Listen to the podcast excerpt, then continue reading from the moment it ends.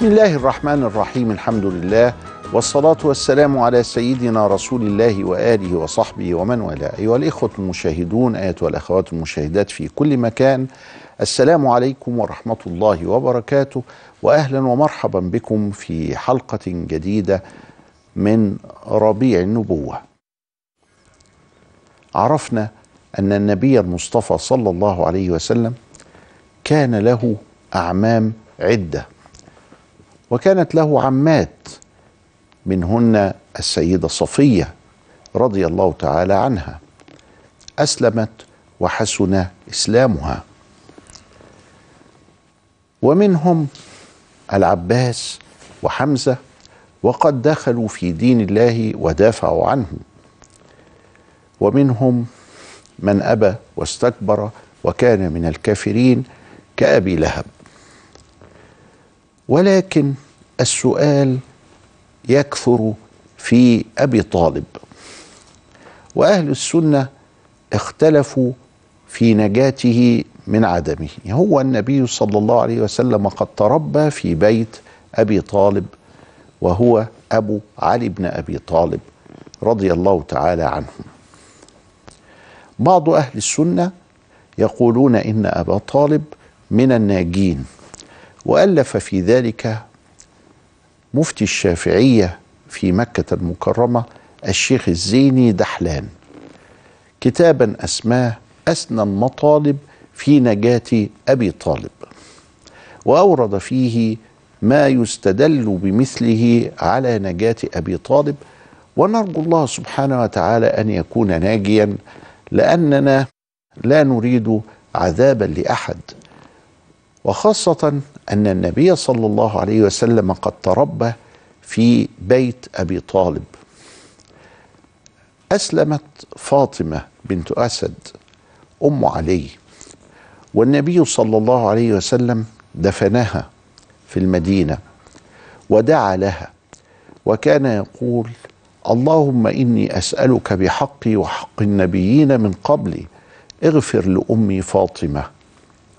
وفاطمة بنت أسد رضي الله تعالى عنها هي التي ربت النبي صلى الله عليه وسلم.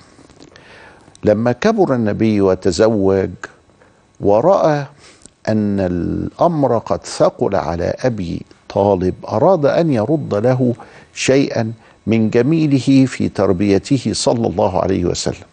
فأخذ علي بن أبي طالب عنده وألحقه بأسرته وأصبح ربيبا للسيدة خديجة عليها السلام.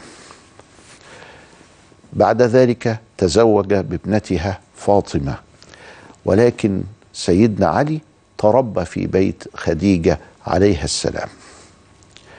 النبي صلى الله عليه وآله وسلم أنجب من البنات أربعة زينب رقية أم كلثوم فاطمة لكن لم يستمر النسل الشريف إلا في فاطمة. حيث أنجبت الحسن والحسين والسيده زينب والحسن أنجب من بعده ولدين نحفظ ولد اسمه حسن المثنى يعني الحسن ابن الحسن. على فكرة الحسن المثنى ده خلف ولد تاني اسمه الحسن وسماه الحسن المثلث يعني بقى اسمه الحسن ابن الحسن ابن الحسن ثلاث مرات يعني. وأنجب أيضا زيد الأبلج. و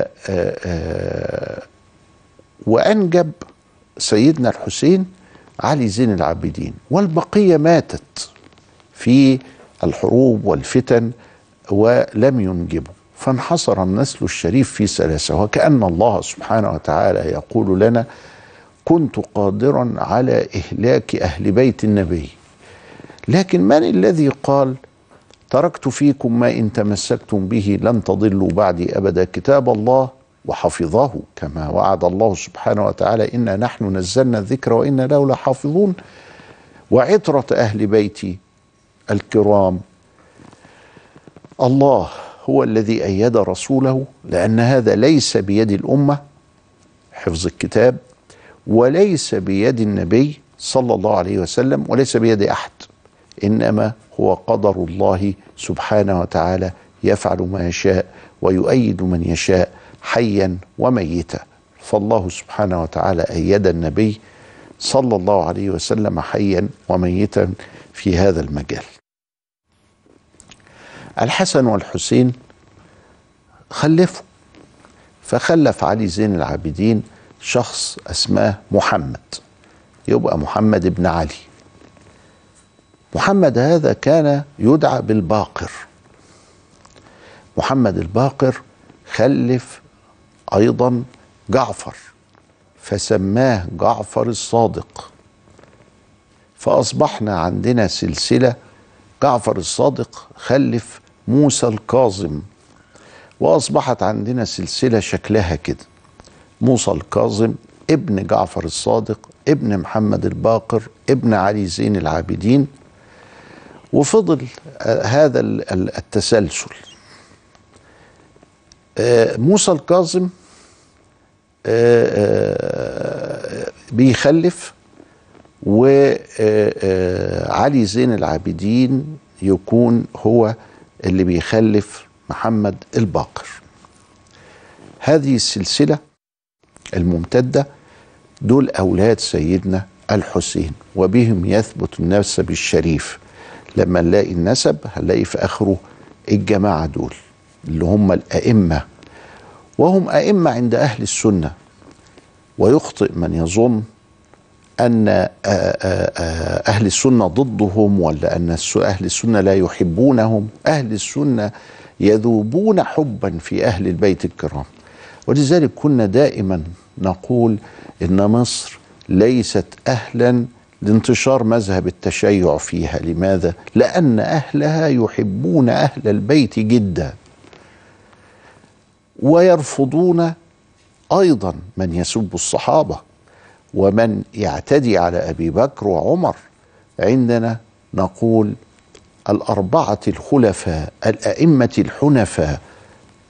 هم أبو بكر وعمر وعثمان وعلي. نعم أهل مصر يحبون أهل البيت لكنهم يحبون أيضا الصحابة الكرام حبا في رسول الله صلى الله عليه وآله وسلم.